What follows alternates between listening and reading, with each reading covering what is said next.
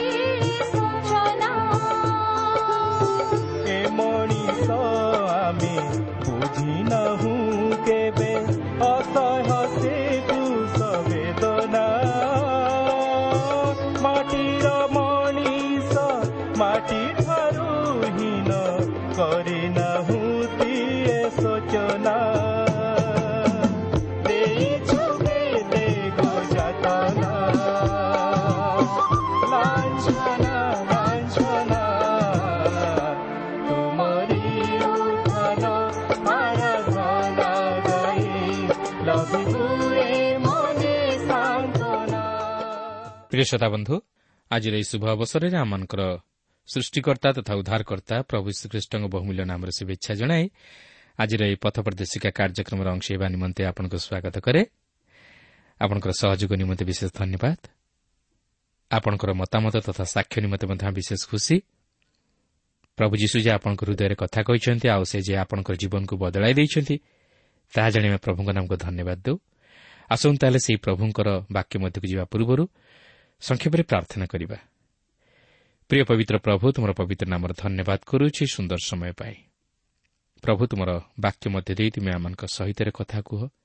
ସେ ବାକ୍ୟକୁ ସରଳ ବିଶ୍ୱାସରେ ହୃଦୟରେ ଗ୍ରହଣ କରି ତଦନୁଯାୟୀ ପ୍ରଭୁ ତୁମର ନିକଟବର୍ତ୍ତୀ ହେବା ପାଇଁ ଏବଂ ତୁମର ସେହି ଆଶୀର୍ବାଦ ଅନୁଗ୍ରହର ଅଧିକାରୀ ହେବା ପାଇଁ ପ୍ରଭୁ ତୁମେ ଆମମାନଙ୍କୁ ସାହାଯ୍ୟ କର।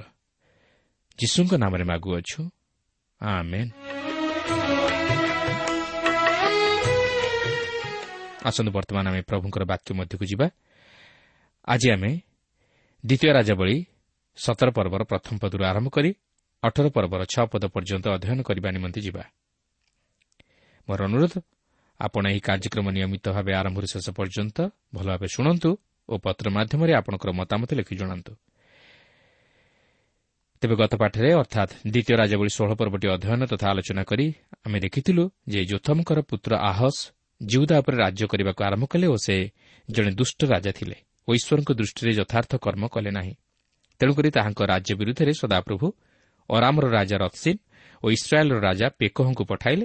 କିନ୍ତୁ ଆହସ୍ ସବୁକିଛି ଶୁଣି ତଥା ଜାଣି ମଧ୍ୟ ଈଶ୍ୱରଙ୍କ ଉପରେ ନିର୍ଭର ନ କରି ଅସୁରର ରାଜା ଜିଗ୍ଲାତ୍ ପିଲେଶ୍ୱରର ସାହାଯ୍ୟ ନେଲେ ଯଦ୍ୱାରା ଅସୁରର ରାଜା ଇସ୍ରାଏଲ୍ ରାଜ୍ୟ ମଧ୍ୟକୁ ପ୍ରବେଶ କରିବାର ସୁଯୋଗ ପାଇଥିଲା ଓ ସେ ସେମାନଙ୍କ ମଧ୍ୟରୁ ଅନେକଙ୍କୁ ବନ୍ଦୀ କରି ଅସୁରକୁ ନେଇଗଲା। ଇସ୍ରାଏଲ୍ ରାଜ୍ୟ ଶତ୍ରୁ ହସ୍ତରେ ପତିତ ହେଲା। ତେବେ ଆଜି ଆମେ ଏହି ସତର ପର୍ବରେ ଇସ୍ରାଏଲ୍ କିପରି ଶତ୍ରୁ ହସ୍ତରେ ସମର୍ପିତ ହୋଇ ନିର୍ବାସିତ ହେଲେ ତାହା ଲକ୍ଷ୍ୟ କରିବାକୁ ଯିବା। କିନ୍ତୁ ଏହି ଇସ୍ରାଏଲ୍ ଶତ୍ରୁ ହସ୍ତରେ ସମର୍ପିତ ହୋଇ ନିର୍ବାସିତ ହେବାର କେତେକ କାରଣ ରହିଅଛି ଯଦ୍ୱାରା ଈଶ୍ୱର ସେମାନଙ୍କ ପ୍ରତି ସେହିପରି ଘଟାଇଲେ। ପ୍ରଥମତଃ ସେମାନେ ଈଶ୍ୱରଙ୍କର ଅବାଧ୍ୟ ହେଲେ ଯାହାକି ଆମେ ଏହି ସତର ପର୍ବର ତେର ପଦରେ ଲକ୍ଷ୍ୟ କରିବାକୁ ପାରୁଛୁ। ତଥାପି ସଦାପ୍ରଭୁ ପ୍ରତ୍ୟେକ ଭବିଷ୍ୟତ ବକ୍ତା ଓ ପ୍ରତ୍ୟେକ ଦର୍ଶକ ଦ୍ୱାରା ଇସ୍ରାଏଲ୍ ପ୍ରତି ଓ ଜିହୁଦା ପ୍ରତି ସାକ୍ଷ୍ୟ ଦେଇ କହିଲେ ତୁମେମାନେ ଆପଣମାନଙ୍କ କୁପଥରୁ ଫେର ଆଉ ଆମ୍ଭେ ତୁମମାନଙ୍କ ପିତୃ ଲୋକଙ୍କୁ ଯେ ସମସ୍ତ ବ୍ୟବସ୍ଥା ଆଜ୍ଞା କରିଅଛୁ ଓ ଯାହା ଆପଣ ଦାସ ଭବିଷ୍ୟତ ବକ୍ତୃଗଣର ହସ୍ତ ଦ୍ୱାରା ତୁମମାନଙ୍କ ନିକଟକୁ ପଠାଇଅଛୁ ତଦନୁସାରେ ଆମ୍ଭର ଆଜ୍ଞା ଓ ବିଧି ସବୁ ପାଳନ କର। ଏହା ହିଁ ଥିଲା ଈଶ୍ୱରଙ୍କର ଆଦେଶ। ମାତ୍ର ସେମାନେ ତାହା ପାଳନ କରିପାରିଲେ ନାହିଁ। ଦ୍ୱିତୀୟତଃ ସେମାନେ ଈଶ୍ୱରଙ୍କୁ ଅବିଶ୍ୱାସ ଓ ସନ୍ଦେହ କଲେ। ଯାହାକି ସତର ପର୍ବର ଚଉଦ ପଦରେ ଲେଖା ଅଛି। ତଥାଚ ସେମାନେ ଶୁଣିବାକୁ ସମ୍ମତ ହେଲେ ନାହିଁ ମାତ୍ର ସେମାନଙ୍କର ଯେଉଁ ପିତୃ ଲୋକମାନେ ସଦାପ୍ରଭୁ ଆପଣମାନଙ୍କ ପରମେଶ୍ୱରଙ୍କଠାରେ ବିଶ୍ୱାସ କଲେ ନାହିଁ ସେମାନଙ୍କ ଗ୍ରୀବା ତୁଲ୍ୟ ଆପଣମାନଙ୍କ ଗ୍ରୀବା ଶକ୍ତ କଲେ। ଆପଣ ମଧ୍ୟ ଦ୍ୱିତୀୟ ବଂଶାବଳୀ ଛତିଶ ପର୍ବର ପନ୍ଦର ପଦରୁ ଷୋହଳ ପଦ ମଧ୍ୟରେ ଏହି ବିଷୟ ଲକ୍ଷ୍ୟ କରିବାକୁ ପାରିବେ। ସେମାନଙ୍କର ଅବିଶ୍ୱାସ ଓ ସନ୍ଦେହ ଲାଗି ସେମାନେ ବିପଦଗାମୀ ହେଲେ। ତୃତୀୟତଃ ସେମାନେ ଈଶ୍ୱରଙ୍କୁ ଅଗ୍ରାହ୍ୟ କଲେ ଯାହାକି ସତର ପର୍ବର ପନ୍ଦର ପଦରେ ଆମେ ଲକ୍ଷ୍ୟ କରିବାକୁ ପାରିବା। ଲେଖା ଅଛି ପୁଣି ସେମାନେ ତାହାଙ୍କର ବିଧି ଓ ସେମାନଙ୍କ ପିତୃଗଣ ସହିତ କୃତ ତାହାଙ୍କର ନିୟମ ଓ ସେମାନଙ୍କ ପ୍ରତି ଦତ୍ତ ତାହାଙ୍କର ସାକ୍ଷ୍ୟ ସବୁ ଅଗ୍ରାହ୍ୟ କଲେ ଆଉ ସେମାନେ ଅସାରତାର ଅନୁଗାମୀ ହୋଇ ଅସାର ହେଲେ ଓ ସଦାପ୍ରଭୁ ଯେଉଁମାନଙ୍କ ତୁଲ୍ୟ କର୍ମ ନ କରିବାକୁ ସେମାନଙ୍କୁ ଆଜ୍ଞା ଦେଇଥିଲେ ଆପଣମାନଙ୍କ ଚତୁର୍ଦ୍ଦିଗସ୍ଥ ସେହି ଦେଶୀୟମାନଙ୍କର ପଶ୍ଚାଦଗାମୀ ହେଲେ। ଏହାର ଅର୍ଥ ସେମାନେ ଚାରିଶହ ନବେ ବର୍ଷ ନିମନ୍ତେ ବିଶ୍ରାମ ବର୍ଷ ପାଳନ କରିବାକୁ ଅଗ୍ରାହ୍ୟ କଲେ। ଯାହାକି ଦ୍ୱିତୀୟ ବଂଶାବଳୀ ଛତିଶ ପର୍ବର ଏକୋଇଶ ପଦରେ ଲେଖା ଅଛି।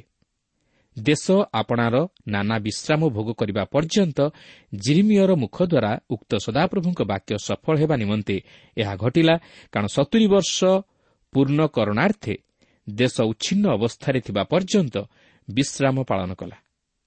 ଏହାର କାରଣ ହେଉଛି ଯେ ଇସ୍ରାଏଲୀୟମାନେ ପ୍ରତି ସାତ ବର୍ଷକୁ ଥରେ ବିଶ୍ରାମ ବର୍ଷ ପାଳନ କରିବାର ଥିଲା।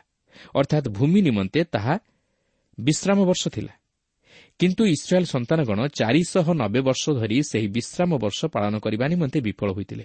ଅର୍ଥାତ୍ ଚାରିଶହ ନବେ ବର୍ଷ ମଧ୍ୟରେ ସତୁରିଟି ବିଶ୍ରାମ ବର୍ଷ ପାଳିତ ହେବାକୁ ଥିଲା। କିନ୍ତୁ ସେମାନେ ସେହି ସତୁରିଟି ବିଶ୍ରାମ ବର୍ଷ ପାଳନ ନ କରିବା ହେତୁ ସେମାନେ ସତୁରି ବର୍ଷ ପର୍ଯ୍ୟନ୍ତ ନିର୍ବାଚିତ ହେଲେ ଓ ଦେଶ ସତୁରି ବର୍ଷ ପର୍ଯ୍ୟନ୍ତ ବିଶ୍ରାମ ପାଳନ କଲା। ତେବେ ଇସ୍ରାଏଲ୍ ଜାତିର ଇତିହାସ ପ୍ରତ୍ୟେକ ବ୍ୟକ୍ତିବିଶେଷଙ୍କର ଇତିହାସ। ଆଜି ଆମ ପ୍ରତ୍ୟେକଙ୍କ ନିମନ୍ତେ ଏହି ଘଟଣା ମଧ୍ୟ ଦେଇ ଶିକ୍ଷା ଦିଆଯାଇଅଛି। ଏହା ଆଜି ଆମ ପ୍ରତ୍ୟେକଙ୍କ ଦୈନନ୍ଦିନ ଘଟଣା ସହିତ ବିଶେଷ ଜଡ଼ିତ। ଆସନ୍ତୁ ଏହି ପର୍ବଟି ଅଧ୍ୟୟନ କରି ଆଲୋଚନା କରିବା ସମୟରେ ଆମେ କେବଳ ସେହି ଇସ୍ରାଏଲ୍ ଜାତିର ଦୁର୍ବଳତା ପ୍ରତି ଦୃଷ୍ଟି ଦେବା ନାହିଁ ମାତ୍ର ନିଜ ଜୀବନର ଦୁର୍ବଳତା ପ୍ରତି ମଧ୍ୟ ଦୃଷ୍ଟି ଦେବା କାରଣ ଏହି ଐତିହାସିକ ଘଟଣା ମଧ୍ୟ ଦେଇ ଈଶ୍ୱର ଆଜି ଆମ ପ୍ରତ୍ୟେକଙ୍କୁ ଶିକ୍ଷା ଦେବାକୁ ଚାହାନ୍ତି ଓ ତାହାଙ୍କର ନିକଟବର୍ତ୍ତୀ କରାଇବାକୁ ଚାହାନ୍ତି। ଏଠାରେ ମୁଁ ଆପଣଙ୍କୁ ସ୍ମରଣ କରାଇଦିଏ ଯେ ଆହସ୍ ଯେତେବେଳେ ଜିହୁଦା ରାଜ୍ୟ ଉପରେ ରାଜତ୍ୱ କରୁଥିଲେ ସେତେବେଳେ ଏଲାଙ୍କର ପୁତ୍ର ହୋସେୟ ସମରିଆରେ ଇସ୍ରାଏଲ୍ ଉପରେ ରାଜ୍ୟ କରିବାକୁ ଆରମ୍ଭ କଲେ। ବର୍ତ୍ତମାନ ଆମେ ଇସ୍ରାଏଲ୍ ରାଜ୍ୟ ଓ ତାହାର ରାଜାଙ୍କ ପ୍ରତି ଟିକେ ଦୃଷ୍ଟି ଦେବା। ଏହି ସମୟ ଇସ୍ରାଏଲ୍ ରାଜ୍ୟ ନିମନ୍ତେ ଅନ୍ତିମ ସମୟ ଥିଲା। କାରଣ ଏହି ଇସ୍ରାଏଲ୍ ରାଜ୍ୟର ଦଶଟି ଗୋଷ୍ଠୀ ଅସୁରର ରାଜାଙ୍କ ହସ୍ତରେ ବନ୍ଦୀ ହୋଇ ନିର୍ବାଚିତ ହେବାକୁ ଯାଉଥିଲେ। ସେମାନଙ୍କର ନିର୍ବାଚିତ ହେବାର ସମୟ ମଧ୍ୟ ପାଖେଇ ଆସିଥିଲା। ସତର ପର୍ବର ପ୍ରଥମ ଦୁଇ ପଦରେ ଏହିପରି ଲେଖା ଅଛି ଜିହୁଦାର ରାଜା ଆହସଙ୍କର ଅଧିକାରର ଦ୍ୱାଦଶ ବର୍ଷରେ ଏଲାଙ୍କର ପୁତ୍ର ହୋସେୟ ସମରିଆରେ ଇସ୍ରାଏଲ୍ ଉପରେ ରାଜ୍ୟ କରିବାକୁ ଆରମ୍ଭ କରି ନଅ ବର୍ଷ ରାଜ୍ୟ କଲେ। ପୁଣି ସେ ସଦାପ୍ରଭୁଙ୍କ ଦୃଷ୍ଟିରେ କୁକର୍ମ କଲେ ମାତ୍ର ଆପଣା ପୂର୍ବବର୍ତ୍ତୀ ଇସ୍ରାଏଲ୍ ରାଜାମାନଙ୍କ ତୁଲ୍ୟ ନୁହେଁ। ଯଦିଓ ହୋସେୟ ଆହବ ରାଜା କିମ୍ବା ଇସେବଲ ପରି ଦୁଷ୍ଟ ନଥିଲେ ମାତ୍ର ସେ ଦୁଷ୍ଟ ରାଜା ଥିଲେ। ଏହାପରେ ସତର ପର୍ବର ତିନି ପଦରୁ ପାଞ୍ଚ ପଦ ମଧ୍ୟରେ ଆମେ ଅସୁରର ରାଜା ସଲମନେଶ୍ୱରର ପରିଚୟ ପାଉଅଛୁ ଯିଏକି ସମରିଆକୁ ଅଧିକାର କରି ତିନି ବର୍ଷ ପର୍ଯ୍ୟନ୍ତ ତାହା ଅବରୋଧ କରିଥିଲା। ଯଦିଓ ହୋସେୟ ତାହାର ଦାସ ହୋଇ ରହିଥିଲେ ମାତ୍ର ସେ ଅସୁରର ରାଜା ସଲମନେଶ୍ୱରର ବିରୁଦ୍ଧରେ ଚକ୍ରାନ୍ତ କରିବାରୁ ଓ ତାହାଙ୍କୁ ଦର୍ଶନୀ ନ ଦେବାରୁ ସେ କ୍ରୋଧାନ୍ୱିତ ହୋଇ ସମରିଆକୁ ଅବରୋଧ କଲେ। ଏହି ସମରିଆ ଏପରି ଏକ ନଗର ଯାହାକୁ ଆହବ ରାଜାଙ୍କର ପିତା ଓମ୍ରି ନିର୍ମାଣ କରିଥିଲେ ଓ ଏହା ଏପରି ଏକ ସୌନ୍ଦର୍ଯ୍ୟମୟ ସ୍ଥାନ ଥିଲା ଯେଉଁ କାରଣରୁ କି ରାଜା ଆହବ ମଧ୍ୟ ସେଠାରେ ଏକ ପ୍ରାସାଦ ମଧ୍ୟ ନିର୍ମାଣ କରାଇଥିଲେ କିନ୍ତୁ ଏହା ଅସୁରର ରାଜାଙ୍କ ଦ୍ୱାରା ଅଧିକୃତ ହେଲା। କେବଳ ସେତିକି ନୁହେଁ ଇସ୍ରାଏଲ୍ ମଧ୍ୟ ବନ୍ଦୀ ହୋଇ ନିର୍ବାଚିତ ହେଲେ। ସତର ପର୍ବର ଛଅ ପଦରେ ଆମେ ଦେଖୁ ଲେଖା ଅଛି ହୋସିଆଙ୍କର ଅଧିକାରର ନବମ ବର୍ଷରେ ଅସୁରର ରାଜା ସମରିଆ ହସ୍ତଗତ କଲା ଓ ଇସ୍ରାଏଲ୍କୁ ଅସୁରକୁ ନେଇଯାଇ ହଲହରେ ଓ ହାବରରେ ଗୋସନ ନଦୀ ତୀରରେ ଓ ମାଦିଓମାନଙ୍କ ନାନା ନଗରରେ ରଖିଲା। ତେବେ ଅନେକ କହନ୍ତି ଯେ ଏହି ଯେଉଁ ଦଶଟି ଗୋଷ୍ଠୀ ନିର୍ବାଚିତ ହେଲେ ସେମାନେ ବିନଷ୍ଟ ହେଲେ। ସେମାନଙ୍କର ଆଉ କୌଣସି ପତ୍ତା ମିଳିଲା ନାହିଁ କିନ୍ତୁ ତାହା ନୁହେଁ। ଈଶ୍ୱରଙ୍କ ବାକ୍ୟରେ ଆପଣ ତାହା ଲକ୍ଷ୍ୟ କରିବାକୁ ପାରିବେ ନାହିଁ। ନୂତନ ନିୟମରେ ଜାକୁବ ତାହାଙ୍କର ପତ୍ରରେ ଏହିପରି ଉଲ୍ଲେଖ କରନ୍ତି ଯାହାକି ଜାକୁବ ପ୍ରଥମ ପର୍ବର ପ୍ରଥମ ପଦରେ ଲେଖା ଅଛି ଈଶ୍ୱରଙ୍କ ଓ ପ୍ରଭୁ ଯୀଶୁଖ୍ରୀଷ୍ଟଙ୍କ ଦାସ ଜାକୁବର ଛିନ୍ନ ଭିନ୍ନ ଦ୍ୱାଦଶ ଗୋଷ୍ଠୀଙ୍କୁ ନମସ୍କାର। ପ୍ରକୃତରେ ଜାକୁବ ମଧ୍ୟ ଭାବିନଥିଲେ ଯେ ସେହି ଗୋଷ୍ଠୀଗୁଡ଼ିକ ବିନଷ୍ଟ ହୋଇଥିଲେ ମାତ୍ର ସେମାନେ ଛିନ୍ନ ଭିନ୍ନ ହୋଇଥିଲେ ମଧ୍ୟ ସେମାନଙ୍କ ମଧ୍ୟରୁ ସମସ୍ତେ ବିନଷ୍ଟ ହୋଇନଥିଲେ ମାତ୍ର ପ୍ରତ୍ୟେକ ଗୋଷ୍ଠୀରୁ କେତେକ ଅବଶିଷ୍ଟ ରହିଥିଲେ। ଆପଣ ଲକ୍ଷ୍ୟ କରିବେ ଯେତେବେଳେ ଜିହୁଦୀମାନେ ସେମାନଙ୍କର ଦେଶକୁ ଫେରିଆସିଲେ ସେତେବେଳେ ସେମାନଙ୍କର ପ୍ରତ୍ୟେକ ଗୋଷ୍ଠୀ ମଧ୍ୟରୁ କେତେକ ଲୋକ ଫେରିଆସିଲେ। ପ୍ରକୃତରେ ଅଳ୍ପ କେତେକ ଲୋକ ସେମାନଙ୍କର ଦେଶକୁ ଅର୍ଥାତ୍ ସେହି ପାଲେଷ୍ଟାଇନ୍କୁ ଫେରିଆସିଥିଲେ। ଅନେକ ଜିହୁଦୀ ସେହି ଅସୁରର ଦେଶକୁ ନିର୍ବାଚିତ ହୋଇଥିଲେ ମାତ୍ର ସେମାନଙ୍କ ମଧ୍ୟରୁ କେବଳ ପଞ୍ଚଷଠି ହଜାର ପାଲେଷ୍ଟାଇନ୍କୁ ଫେରିଆସିଥିଲେ ତେବେ ଯେଉଁ ସମସ୍ତ ପାପ ହେତୁ ଇସ୍ରାଏଲ୍ ଅସୁରର ଦେଶକୁ ନିର୍ବାଚିତ ହୋଇଥିଲେ ସେହି ସମସ୍ତ ପାପ ବିଷୟ ନେଇ ବର୍ତ୍ତମାନ ଆମେ ଏହି ସତର ପର୍ବର ସାତ ପଦରୁ ତେଇଶ ପଦ ମଧ୍ୟରେ ଲକ୍ଷ୍ୟ କରିବାକୁ ପାରିବା। ସତର ପର୍ବର ସାତ ଓ ଆଠ ପଦରେ ଆମେ ଦେଖୁ ଯେ ଈଶ୍ୱର ଇସ୍ରାଏଲ୍ ଜାତି ପ୍ରତି ଅତି ଦୀର୍ଘ ସହିଷ୍ଣୁ ଥିଲେ। ସେ ସେମାନଙ୍କୁ ରାଜ୍ୟ ବିଭକ୍ତ ହେବା ପରେ ପ୍ରାୟ ଦୁଇଶହ ବର୍ଷ ପର୍ଯ୍ୟନ୍ତ ସେମାନଙ୍କୁ ସୁଯୋଗ ଦେଇଥିଲେ ଯେପରି ସେମାନେ ତାହାଙ୍କ ନିକଟକୁ ଫେରିଆସନ୍ତି ମାତ୍ର ସେମାନେ ଫେରିଲେ ନାହିଁ। ଈଶ୍ୱରଙ୍କ ବାକ୍ୟ ସ୍ପଷ୍ଟ ଭାବେ ପ୍ରକାଶ କରେ ଯେ ସେମାନେ ଈଶ୍ୱରଙ୍କଠାରୁ ଦୂରେଇ ଯାଇ ଅନ୍ୟ ବିଜାତୀୟମାନଙ୍କର ବିଧିବିଧାନ ଅନୁଯାୟୀ କାର୍ଯ୍ୟ କରି ବିଦେଶୀୟ ଦେବତାମାନଙ୍କର ପୂଜା ଆରାଧନା କଲେ ତେଣୁକରି ଈଶ୍ୱର ମଧ୍ୟ ସେମାନଙ୍କୁ ନିର୍ବାଚିତ କରାଇଲେ। ଏହାପରେ ସତର ପର୍ବର ନଅରୁ ଦଶ ପଦରେ ଆମେ ଦେଖୁ ଯେ ସେହି ସମୟରେ ଉଚ୍ଚସ୍ଥଳୀମାନରେ ଓ ବୃକ୍ଷମୂଳେ ଦେବାଦେବୀମାନଙ୍କର ପୂଜା ବଳିଦାନ ପ୍ରଭୃତି ଉତ୍ସର୍ଗ କରାଯାଉଥିଲା ଓ ଇସ୍ରାଏଲ୍ ସନ୍ତାନଗଣ ସତ୍ୟ ତଥା ଜୀବନ୍ତ ଈଶ୍ୱରଙ୍କୁ ପରିତ୍ୟାଗ କରି ସେହି ସମସ୍ତ ଅନୈତିକ କାର୍ଯ୍ୟ ଓ ଘୃଣାଜନକ କାର୍ଯ୍ୟରେ ନିଜକୁ ଲିପ୍ତ କଲେ ଯଦ୍ୱାରା ଈଶ୍ୱରଙ୍କ କ୍ରୋଧ ସେମାନଙ୍କ ପ୍ରତି ବର୍ତ୍ତିଲା। ଏହାପରେ ସତର ପର୍ବର ଏଗାରରୁ ବାର ପଦରେ ଆମେ ଦେଖୁ ଯେ ଈଶ୍ୱର ବିଜାତୀୟମାନଙ୍କୁ ସେମାନଙ୍କର ଏହିପରି ପ୍ରତିମା ପୂଜା ଓ ଅନୈତିକତା ହେତୁ ସେମାନଙ୍କୁ ସେହି ଦେଶରୁ ତଳି ଦେଇଥିଲେ। ତେବେ ଆପଣ କ'ଣ ଭାବୁଛନ୍ତି ଈଶ୍ୱର ତାଙ୍କର ମନୋନୀତ ଜାତିକୁ ତାହା କରିବା ନିମନ୍ତେ ଅନୁମତି ଦେବେ ବା ସେମାନଙ୍କର ସପକ୍ଷ ହେବେ? କେବେ ନୁହେଁ। ତାଙ୍କର ମନୋନୀତ ଜାତି ଇସ୍ରାଏଲ୍ ସେହିପରି ପ୍ରତିମା ପୂଜାରେ ଲିପ୍ତ ହେବାରୁ ଓ ନୈତିକତା ବିହୀନ ଜୀବନଯାପନ କରିବାରୁ ସେ ସେମାନଙ୍କୁ ସେହି ଦେଶରୁ ବାହାର କରି ନିର୍ବାସିତ କରାଇଲେ। କାରଣ ଈଶ୍ୱର ନ୍ୟାୟ ବିଚାରକର୍ତ୍ତା। ସେ କେବେ ହେଲେ ପକ୍ଷପାତ କରନ୍ତି ନାହିଁ। ସତର ପର୍ବର ତେର ପଦରେ ଆମେ ଦେଖୁ ଯେ ଇସ୍ରାଏଲ୍ର ଉତ୍ତର ରାଜ୍ୟ ଇସ୍ରାଏଲ୍ ମଧ୍ୟକୁ ଈଶ୍ୱର ଅହିୟ ଏଲିୟ ମିଖା ଇଲିସାୟ ଜୁନୁସ ଓ ଆମୋସ୍ ଏବଂ ହୋସେୟ ଭବିଷ୍ୟତ ବକ୍ତାମାନଙ୍କୁ ପଠାଇଲେ ଓ ଇସ୍ରାଏଲ୍ର ଦକ୍ଷିଣ ରାଜ୍ୟ ଜିହୁଦା ମଧ୍ୟକୁ ସେ ସିମିୟ ଜୋଏଲ୍ ଜିସାୟ ଓ ମିଖା ଭବିଷ୍ୟତ ବକ୍ତାମାନଙ୍କୁ ପଠାଇଲେ। ପରେ ମଧ୍ୟ ସେ ନାହୁମ ହବକୁକ୍ ସିଫନୀୟ ଓ ଜିରିମିୟ ଭାଓବାଦୀମାନଙ୍କୁ ପଠାଇବାକୁ ଯାଉଅଛନ୍ତି। ପ୍ରତ୍ୟେକ ଭାଓବାଦୀଗଣ ଉଭୟ ରାଜ୍ୟର ଲୋକମାନଙ୍କ ନିକଟରେ ସତର୍କତାର ଭାଓବାଣୀ ପ୍ରଚାର କଲେ ଓ ସେମାନେ ସେମାନଙ୍କର ମନ୍ଦତାରୁ ଫେରିଲେ ଫଳ କ'ଣ ହେବ ଓ ଈଶ୍ୱରଙ୍କ ନିକଟକୁ ନ ଫେରିଲେ ଫଳ କ'ଣ ହେବ ତାହା ମଧ୍ୟ ଜଣାଇଦେଲେ। କିନ୍ତୁ ତଥାପି ସେମାନେ ସେମାନଙ୍କ ବାକ୍ୟରେ ମନୋଯୋଗ କଲେ ନାହିଁ। ସତର ପର୍ବର ଚଉଦ ପଦରେ ଏହିପରି ଲେଖା ଅଛି ତଥାପି ସେମାନେ ଶୁଣିବାକୁ ସମ୍ମତ ହେଲେ ନାହିଁ ମାତ୍ର ସେମାନଙ୍କର ଯେଉଁ ପିତୃଲୋକମାନେ ସଦାପ୍ରଭୁ ଆପଣମାନଙ୍କ ପରମେଶ୍ୱରଙ୍କଠାରେ ବିଶ୍ୱାସ କଲେ ନାହିଁ ସେମାନଙ୍କ ଗ୍ରୀବାତୁଲ୍ୟ ଆପଣାମାନଙ୍କ ଗ୍ରୀବା ଶକ୍ତ କଲେ। ପ୍ରଧାନ ପାପ କ'ଣ ଥିଲା? ସେମାନଙ୍କର ଅବିଶ୍ୱାସ ଓ ସନ୍ଦେହ। ଈଶ୍ୱରଙ୍କୁ ଅବିଶ୍ୱାସ କରିବା ହେଉଛି ମହାପାପ। ଯଦି ଆମେ ଅବିଶ୍ୱାସ ଓ ସନ୍ଦେହ କରୁ ତାହେଲେ ଆମେ କେବେ ହେଲେ ସତ୍ୟ ଈଶ୍ୱରଙ୍କର ପରିଚୟ ପାଇପାରିବା ନାହିଁ। ଏହା କେବଳ ଆମମାନଙ୍କୁ ଈଶ୍ୱରଙ୍କଠାରୁ ଦୂରକୁ ନେଇଯାଏ ଓ ବିନାଶର ପଥରେ କଢ଼ାଇ ନିଏ। ଯଦି ଆମେ ସେହି ପ୍ରକାର ଅବିଶ୍ୱାସ କରୁ ତାହେଲେ ଈଶ୍ୱର ସେଦିନ ଯେଉଁପରି ଭାବରେ ଇସ୍ରାଏଲ୍ ଜାତିର ବିଚାର କଲେ ସେ ସେହିପରି ଭାବେ ଆମମାନଙ୍କର ମଧ୍ୟ ବିଚାର କରିବେ। ଏହାପରେ ସତର ପର୍ବର ପନ୍ଦର ପଦରେ ଆମେ ଦେଖୁ ଯେ ସେମାନେ ଈଶ୍ୱରଙ୍କୁ ମଧ୍ୟ ଅଗ୍ରାହ୍ୟ କରି ଅନ୍ୟ ଦେବାଦେବୀମାନଙ୍କର ପୂଜା ଆରାଧନା କଲେ। ଏହା ମଧ୍ୟ ସାଧାରଣ କଥା। ଯେତେବେଳେ ଆମେ ଈଶ୍ୱରଙ୍କୁ ଅବିଶ୍ୱାସ ତଥା ସନ୍ଦେହ କରୁ ସେତେବେଳେ ଆମେ ତାହାଙ୍କୁ ମଧ୍ୟ ଅଗ୍ରାହ୍ୟ କରି ତାହାଙ୍କର ଇଚ୍ଛା ବିରୁଦ୍ଧ କାର୍ଯ୍ୟ କରି ଶୟତାନର ଶିକାର ହେଉ। ଠିକ୍ ତାହା ହିଁ ସେଦିନ ଇସ୍ରାଏଲ୍ ଲୋକମାନଙ୍କ ଜୀବନରେ ଘଟିଲା।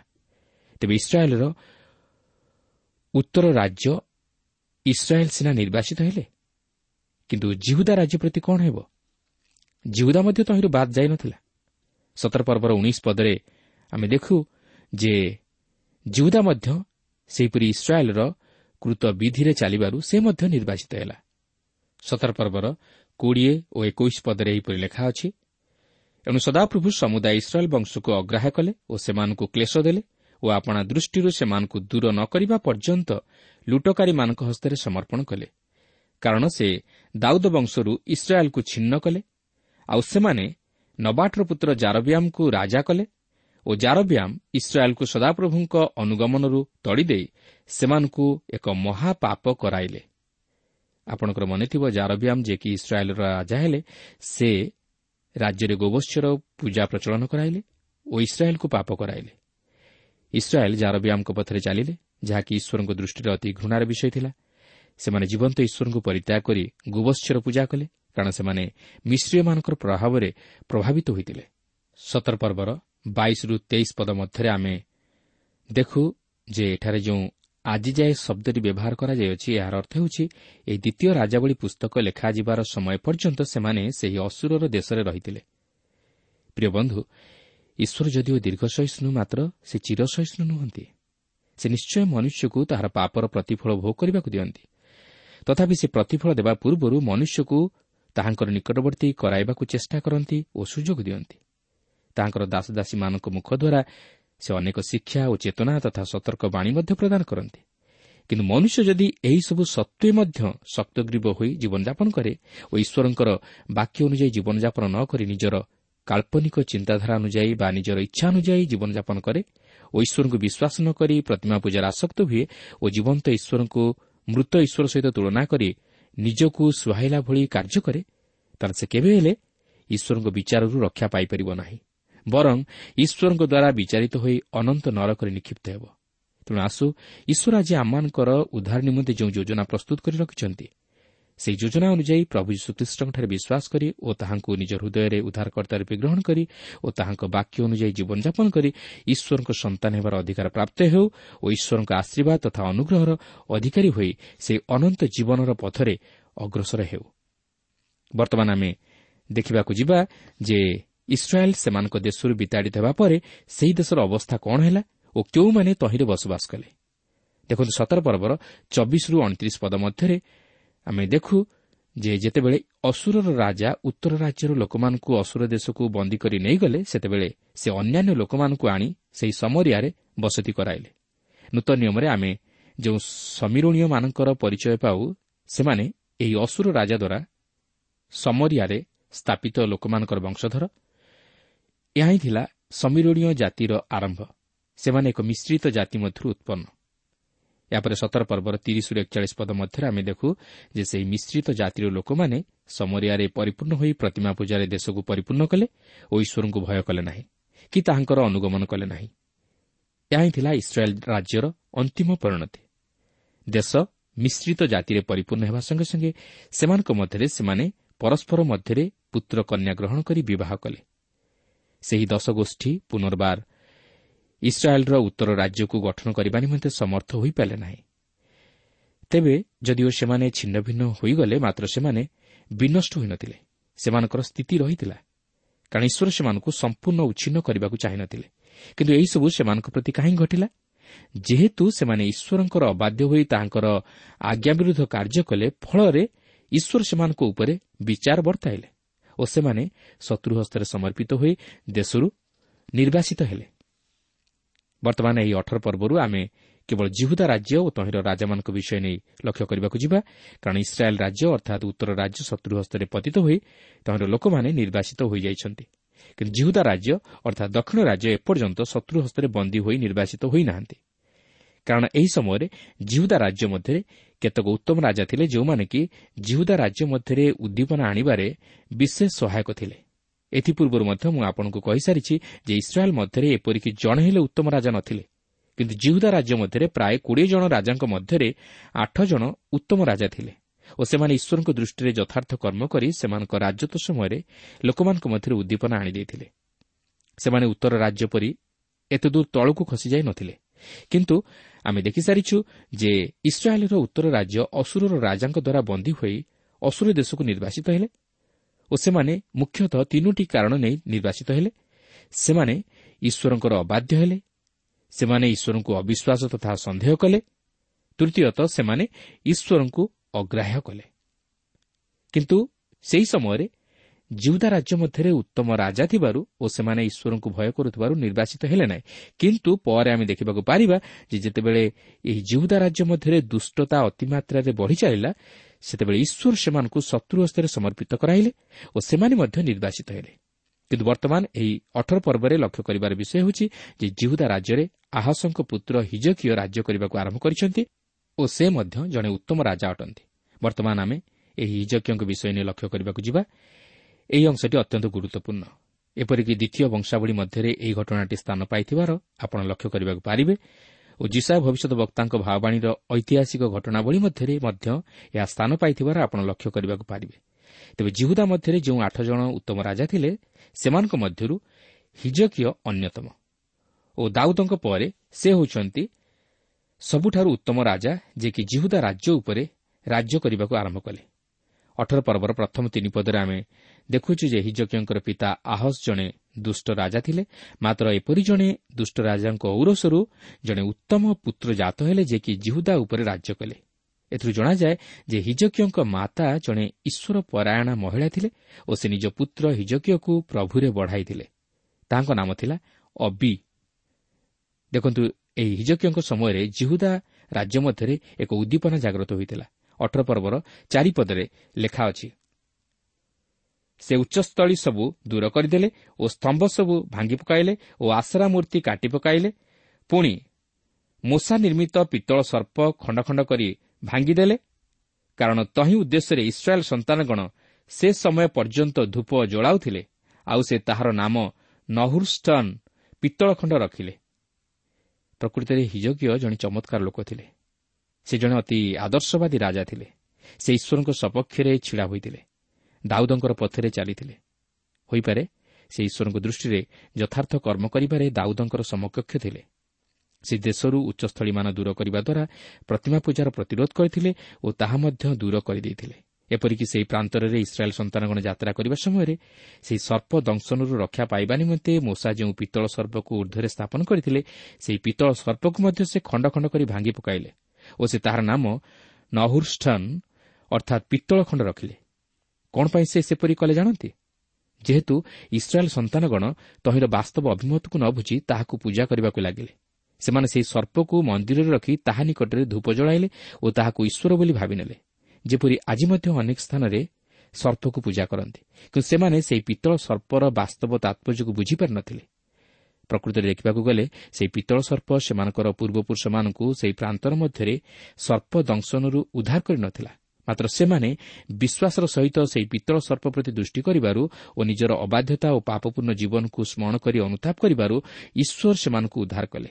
ସେମାନେ ଅର୍ଥାତ୍ ସେମାନଙ୍କର ପୂର୍ବପୁରୁଷମାନେ ସେମାନଙ୍କର ଅବାଧ୍ୟତା ତଥା ପାପପୂର୍ଣ୍ଣ ଜୀବନ ହେତୁ ଯେ ସେମାନେ ସର୍ପ ଦ୍ୱାରା ଦଂଶିତ ହେଲେ ଏହା ଜଣାଇଦେବା ନିମନ୍ତେ ଓ ନିଜର ପାପ ପାଇଁ ଅନୁତାପ କରିବା ନିମନ୍ତେ ସେ ସେମାନଙ୍କ ନିମନ୍ତେ ଏହିପରି ପିତ୍ତଳ ସର୍ପକୁ ସ୍ଥାପନ କରିଥିଲେ ଯେପରି ସେମାନେ ବିଶ୍ୱାସର ସହିତ ସେହି ପିତ୍ତଳ ସର୍ପ ପ୍ରତି ଦୃଷ୍ଟି କରିବା ଦ୍ୱାରା ସେହି ଦଂଶନରୁ ରକ୍ଷା ପାଆନ୍ତି। କିନ୍ତୁ ସେହି ପିତ୍ତଳ ସର୍ପ ସେମାନଙ୍କୁ ଉଦ୍ଧାର କରିନଥିଲା। କି ସେହି ପିତ୍ତଳ ସର୍ପ ମଧ୍ୟରେ ଈଶ୍ୱର ନଥିଲେ ମାତ୍ର ଏହା ଏକ ଉଦ୍ଧାରର ମାଧ୍ୟମ ଥିଲା। କିନ୍ତୁ ସେମାନଙ୍କର ପରବର୍ତ୍ତୀ ବଂଶଧର ସେହି ପିତ୍ତଳ ସର୍ପର ବାସ୍ତବ ତାତ୍ପର୍ଯ୍ୟକୁ ନ ବୁଝି ତାହାକୁ ଈଶ୍ୱର ବୋଲି ଭାବି ପୂଜା କରିବାକୁ ଲାଗିଲେ ଓ ବାସ୍ତବ ଈଶ୍ୱରଙ୍କୁ ଭୁଲିଗଲେ। ତେଣୁ ହିଜକୀୟ ତାହା ଦେଖି ସେହି ପିତ୍ତଳ ସର୍ପକୁ ଖଣ୍ଡ ଖଣ୍ଡ କରି ଭାଙ୍ଗି ପକାଇଲେ କିନ୍ତୁ ପ୍ରକୃତରେ ସେହି ପିତ୍ତଳ ସର୍ପ କୃଷାର୍ପିତ ପ୍ରଭୁ ଶ୍ରୀଖ୍ରୀଷ୍ଟଙ୍କ ପ୍ରତି ଅଙ୍ଗୁଳି ନିର୍ଦ୍ଦେଶ କରୁଥିଲା ଓ ତହିଁର ପ୍ରତୀକ ସ୍ୱରୂପ ଥିଲା। ଯାହାକି ଆମେ ଜୋହନ ତିନି ପର୍ବର ଚଉଦ ପନ୍ଦର ପଦ ମଧ୍ୟରେ ଲକ୍ଷ୍ୟ କରିବାକୁ ପାରୁ। ତେବେ ଏହି ପିତ୍ତଳ ସର୍ପ ଏକ ପ୍ରତୀକ ସ୍ୱରୂପ ଥିଲା ଯାହାକି ପ୍ରଭୁ ଶ୍ରୀଖ୍ରୀଷ୍ଟଙ୍କ ଜୀବନରେ ସଫଳ ହେଲା କିନ୍ତୁ ସେମାନେ ଈଶ୍ୱରଙ୍କର ପୂଜା ଆରାଧନା କରିବା ଛାଡ଼ି ସେହି ପିତ୍ତଳ ସର୍ପକୁ ପୂଜା କରିବାକୁ ଲାଗିଲେ କାରଣ ସେମାନେ ତହିଁର ବାସ୍ତବ ତାତ୍ପର୍ଯ୍ୟକୁ ସେ ପର୍ଯ୍ୟନ୍ତ ବୁଝିପାରି ନ ଥିଲେ କିନ୍ତୁ ବର୍ତ୍ତମାନ ଏଠାରେ ଲକ୍ଷ୍ୟ କରିବାର ବିଷୟ ହେଉଛି ହିଜକୀୟ ସେହି ପିତ୍ତଳ ସର୍ପକୁ ଖଣ୍ଡ ଖଣ୍ଡ କରି ଭାଙ୍ଗିଦେଲେ ଯେପରି ଲୋକମାନେ ସେହି ସର୍ପ ପୂଜାରୁ ଦୂରେଇ ରୁହନ୍ତି ମାତ୍ର ସତ୍ୟ ତଥା ଜୀବନ୍ତ ଈଶ୍ୱରଙ୍କର ନିକଟବର୍ତ୍ତୀ ହୁଅନ୍ତି। ବାସ୍ତବରେ ହିଜକୀୟ ଇସ୍ରାଏଲ୍ ସନ୍ତାନଗଣ ମଧ୍ୟରେ ଏକ ଉଦ୍ଦୀପନା ଆଣିଦେଇଥିଲେ ସେ ଲୋକମାନଙ୍କର ମନକୁ ପ୍ରତିମା ପୂଜାରୁ ଫେରାଇ ଆଣି ସତ୍ୟ ତଥା ଜୀବନ୍ତ ଈଶ୍ୱରଙ୍କର ନିକଟବର୍ତ୍ତୀ କରାଇଥିଲେ। ତାହାଙ୍କ ସମୟରେ ତାହାଙ୍କ ରାଜ୍ୟ ମଧ୍ୟରେ ଏକ ମହାନ ଉଦ୍ଦୀପନା ଦେଖାଦେଇଥିଲା। ଏକ ମହାନ ପରିବର୍ତ୍ତନ ଘଟିଥିଲା। ସେ ପ୍ରତିମା ପୂଜାର ବିଷୟକୁ ସମୂଳେ ତାଙ୍କ ରାଜ୍ୟ ମଧ୍ୟରୁ ଉତ୍ପାଟନ କରିଥିଲେ। ଏହାପରେ ଅଠର ପର୍ବର ପାଞ୍ଚ ପଦରୁ ଛଅ ପଦ ମଧ୍ୟରେ ଆମେ ଦେଖୁ ଯେ ହିଜକିୟଙ୍କ ପରି ଜଣେ ଈଶ୍ୱର ଭୟକାରୀ ଓ ଈଶ୍ୱରଙ୍କ ମନୋମତ ରାଜା କେହି ନଥିଲେ। ସେ ଦାଉଦଙ୍କର ସମକକ୍ଷ ଥିଲେ। ସେ ଈଶ୍ୱରଙ୍କ ନିମନ୍ତେ ବ୍ୟବହୃତ ହେଲେ ଓ ଈଶ୍ୱରଙ୍କ ନିମନ୍ତେ ଅନେକ ମହାନ ତଥା ଶକ୍ତିର କାର୍ଯ୍ୟମାନ ସାଧନ କଲେ। ତେଣୁକରି ସେହି କାରଣରୁ ତାହାଙ୍କ ବିଷୟ କେବଳ ଦ୍ୱିତୀୟ ରାଜାବଳୀ ପୁସ୍ତକରେ ନୁହେଁ ଏଥିସହିତ ଦ୍ୱିତୀୟ ବଂଶାବଳୀ ଓ ଜିସାୟ ଭାବାନୀଙ୍କ ପୁସ୍ତକରେ ମଧ୍ୟ ସ୍ଥାନ ପାଇଅଛି। ତେବେ ଆଜି କ'ଣ ହିଜକିୟଙ୍କ ପରି ଆମେ ଈଶ୍ୱରଙ୍କ ନିମନ୍ତେ ଛିଡ଼ା ହୋଇପାରିବା କି? ପ୍ରଭୁ କରନ୍ତୁ ଆମେ ଯେପରି ସେହି ହିଜକିୟଙ୍କ ପରି ଈଶ୍ୱରଙ୍କ ସପକ୍ଷରେ ଛିଡ଼ା ହୋଇ ତାହାଙ୍କ ନିମନ୍ତେ ସାକ୍ଷୀ ହେଉ ଓ ଅନେକଙ୍କୁ ଈଶ୍ୱରଙ୍କର ନିକଟବର୍ତ୍ତୀ କରାଉ। ତେବେ ପ୍ରଭୁ ଆମମାନଙ୍କୁ ଆଶୀର୍ବାଦ କରିବେ ଓ ତାହାଙ୍କର ମହତ ଅଭିମତ ଆମମାନଙ୍କ ଜୀବନରେ ସଫଳ ହୋଇପାରିବ। ପ୍ରଭୁ ଆମ ପ୍ରତ୍ୟେକଙ୍କର ସହବର୍ତ୍ତୀ ହୁଅନ୍ତୁ।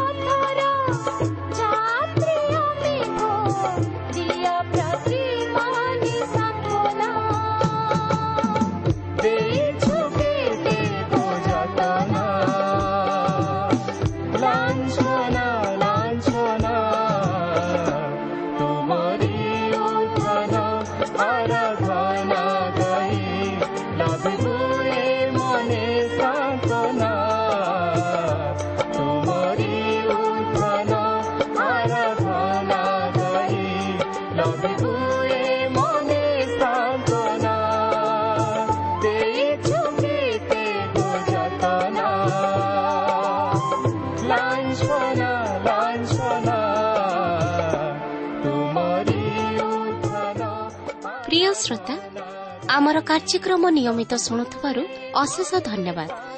ଆପଣ ଏହି କାର୍ଯ୍ୟକ୍ରମ ଶୁଣିବା ଦ୍ୱାରା ଆତ୍ମିକ ଜୀବନରେ ଉପକୃତ ହୋଇପାରିଥିବେ ବୋଲି ଆମର ବିଶ୍ୱାସ। ପ୍ରଭୁ ଯୀଶୁଙ୍କ ବିଷୟରେ ଅଧିକ ଜାଣିବାର ଆଗ୍ରହ ଥିଲେ ଅଥବା ଉପାଦାୟ ପୁସ୍ତକର ଆବଶ୍ୟକ ଥିଲେ ଆମ ସହ ଯୋଗାଯୋଗ କରନ୍ତୁ। ଆମର ଠିକଣା ପଥ ପ୍ରଦର୍ଶିକା trans world radio India post box number ତିନି ତିନି ଭୁବନେଶ୍ୱର ସାତ ପାଞ୍ଚ ଏକ ଶୂନ ଶୂନ ଏକ।